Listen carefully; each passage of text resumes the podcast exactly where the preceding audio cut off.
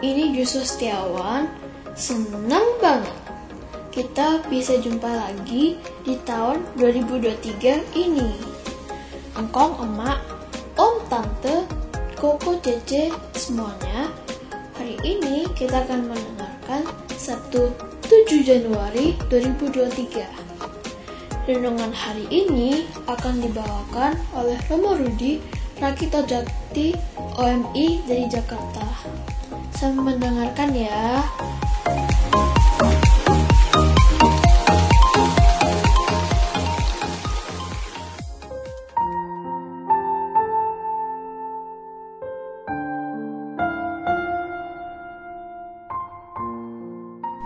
Para sahabat Fresius, pada hari ini kita akan mendengarkan sabda Tuhan dari Injil Yohanes bab 2 ayat 1 sampai 12. Pada waktu itu ada pesta perkawinan di Kana yang di Galilea. Dan ibu Yesus ada di situ. Yesus dan murid-muridnya diundang juga ke perkawinan itu. Ketika mereka kekurangan anggur, Maria berkata kepada Yesus, "Mereka kehabisan anggur." Kata Yesus kepadanya, "Mau apa engkau dariku, Ibu? Saatku belum tiba." Tetapi ibu Yesus berkata kepada pelayan-pelayan, apa yang dikatakan kepadamu, buatlah. Di situ ada enam tempayan yang disediakan untuk pembasuhan menurut adat orang Yahudi. Masing-masing isinya dua tiga buyung. Yesus berkata kepada pelayan-pelayan itu, Isilah penuh tempayan-tempayan itu dengan air. Dan mereka pun mengisinya sampai penuh. Lalu kata Yesus kepada mereka, "Sekarang cedoklah dan bawalah kepada pemimpin pesta." Lalu mereka pun membawanya. Setelah pemimpin pesta itu mengecap air yang telah menjadi anggur itu,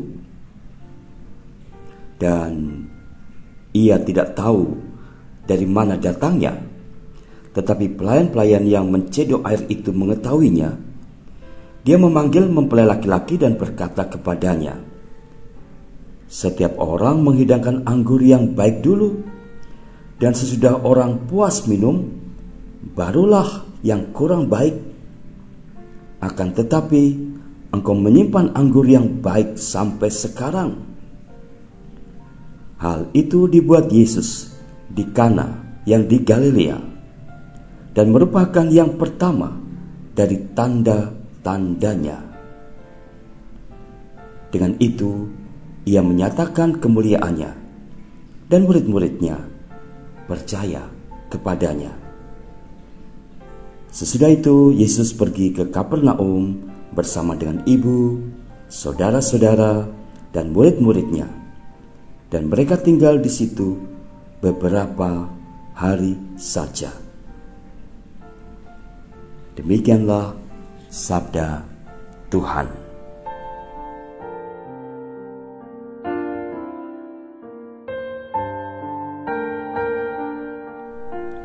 Para sahabat Fresh Juice, bacaan Injil yang baru saja kita dengarkan mengisahkan Tuhan Yesus yang sedang kondangan di desa Kana Sementara pesta sedang berlangsung, Tuhan menerima informasi dari Bunda Maria bahwa hidangan anggurnya untuk pesta tersebut habis. Mungkin karena saking banyaknya tamu yang hadir atau karena anggurnya enak sehingga cepat habis. Tetapi ya asal tahu saja sebuah pesta perkawinan minim minuman anggur bisa berubah menjadi pesta yang kurang meriah lagi. Saya sejenak merenungkan apa kiranya maksud Bunda Maria memberitahu keadaan tersebut kepada Yesus? Ada kemungkinan ia mengharapkan putranya untuk berbuat sesuatu, seperti siap-siap pergi ke toko sebelah untuk membeli beberapa botol atau tempayan anggur, atau kemungkinan lain untuk memberi kode agar Yesus dan teman-temannya berhenti minum anggur dan mau minum air mineral atau teh atau apa pun yang nantinya akan dihidangkan oleh tuan pesta. Tetapi intinya adalah supaya Yesus peka dengan keadaan yang sedang terjadi. Dan Yesus menanggapi informasi dari bundanya dengan melakukan sesuatu yang luar biasa, alias mengadakan mukjizat. Dia mengubah air menjadi anggur. Suasana pesta perkawinan tersebut pasti kembali menjadi meriah, penuh sukacita. Itulah mukjizat pertama yang dikerjakan oleh Tuhan Yesus.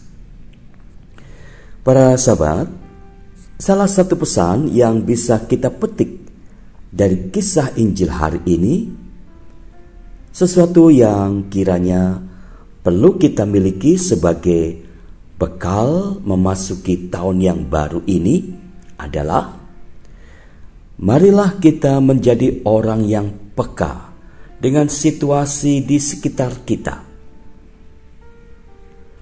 Tahun 2023 baru tiba. Perjalanan kita masih panjang. Berbagai rencana dan tantangan menanti. Semoga dalam kehadiran kita di mana pun, kita akan menjadi bagian dari solusi. Sekurangnya menjadi inspirasi.